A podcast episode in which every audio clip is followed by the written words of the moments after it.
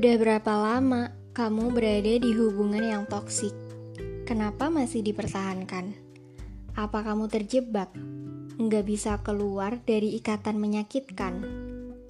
Ya, mungkin awalnya emang dia menunjukkan perilaku yang baik, menerima segalanya, terus tanpa kamu sadari, kamu dijebak biar masuk dalam perangkapnya. Dia sebenarnya nggak sayang, dia cuma terobsesi.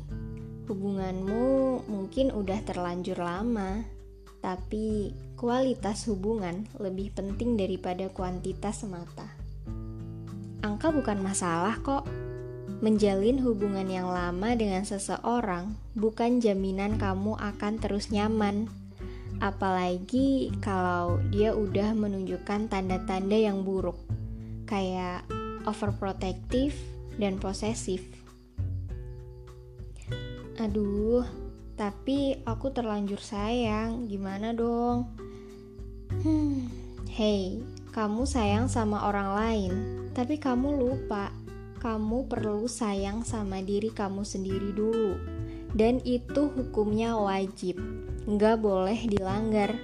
Kalau kamu sayang sama diri sendiri, kamu bakalan tahu mana yang baik dan mana yang buruk buat kesehatan mental dan fisik kamu.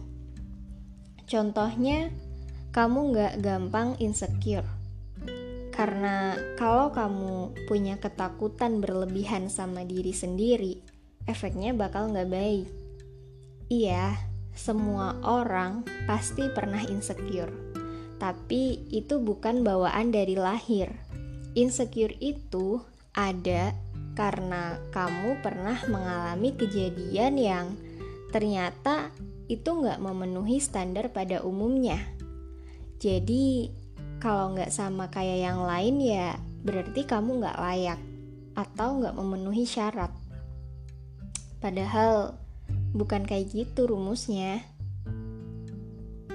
Tapi cuman sama dia aku jadi nggak insecure. Oke, dia mengekang kamu dan bikin kamu gak berkembang.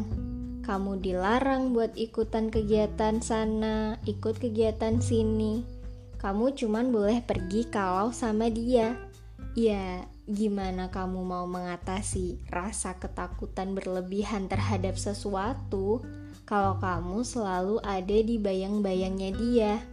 Kamu gak punya payung buat diri kamu sendiri kamu dibuat nyaman sama dia, tapi kamu gak sadar kalau ternyata kamu gak punya pertahanan buat diri kamu sendiri. Dia jadi overprotective dan bersembunyi di balik kalimat demi kebaikan kamu, demi keselamatan kamu. Terus lama-lama dia jadi posesif selalu menuntut kamu buat cepet bales chat dia, angkat telepon dia, mau diajakin ke mana-mana. Kamu kayak robot yang terus-terusan dikontrol dan dia maksa buat ngeliat interaksi kamu di sosial media.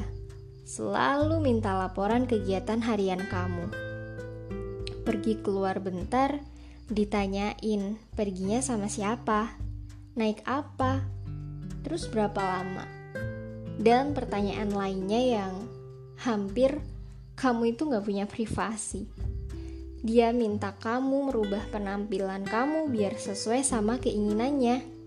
Dan kalau nggak sesuai sama maunya dia, dia bakal marahin kamu habis-habisan. Toxic relationship juga bisa terjadi kalau kamu gak pernah merasa cukup. Kamu selalu berusaha mencari pengakuan dari pasangan. Kamu susah buat jadi diri sendiri karena takut kalau yang kamu lakuin gak sesuai sama ekspektasi dia. Kamu selalu direndahkan dan hanya diperlakukan baik saat dia ada maunya. Kamu tahu dia seperti itu hanya karena menuruti egonya. Dia nggak benar-benar menerima kamu apa adanya. dengan kegiatan kamu, dengan bentuk fisik kamu, dengan segalanya yang berkaitan denganmu. Hmm, tapi kamu selalu yakin kalau dia akan berubah suatu saat nanti. Padahal kamu bukan psikolog profesional, kamu cuma orang biasa. Harapan yang kamu taruh terlalu besar sampai pikiran logis kamu tertutup. Lagi-lagi, kamu mengutamakan perasaan daripada akal.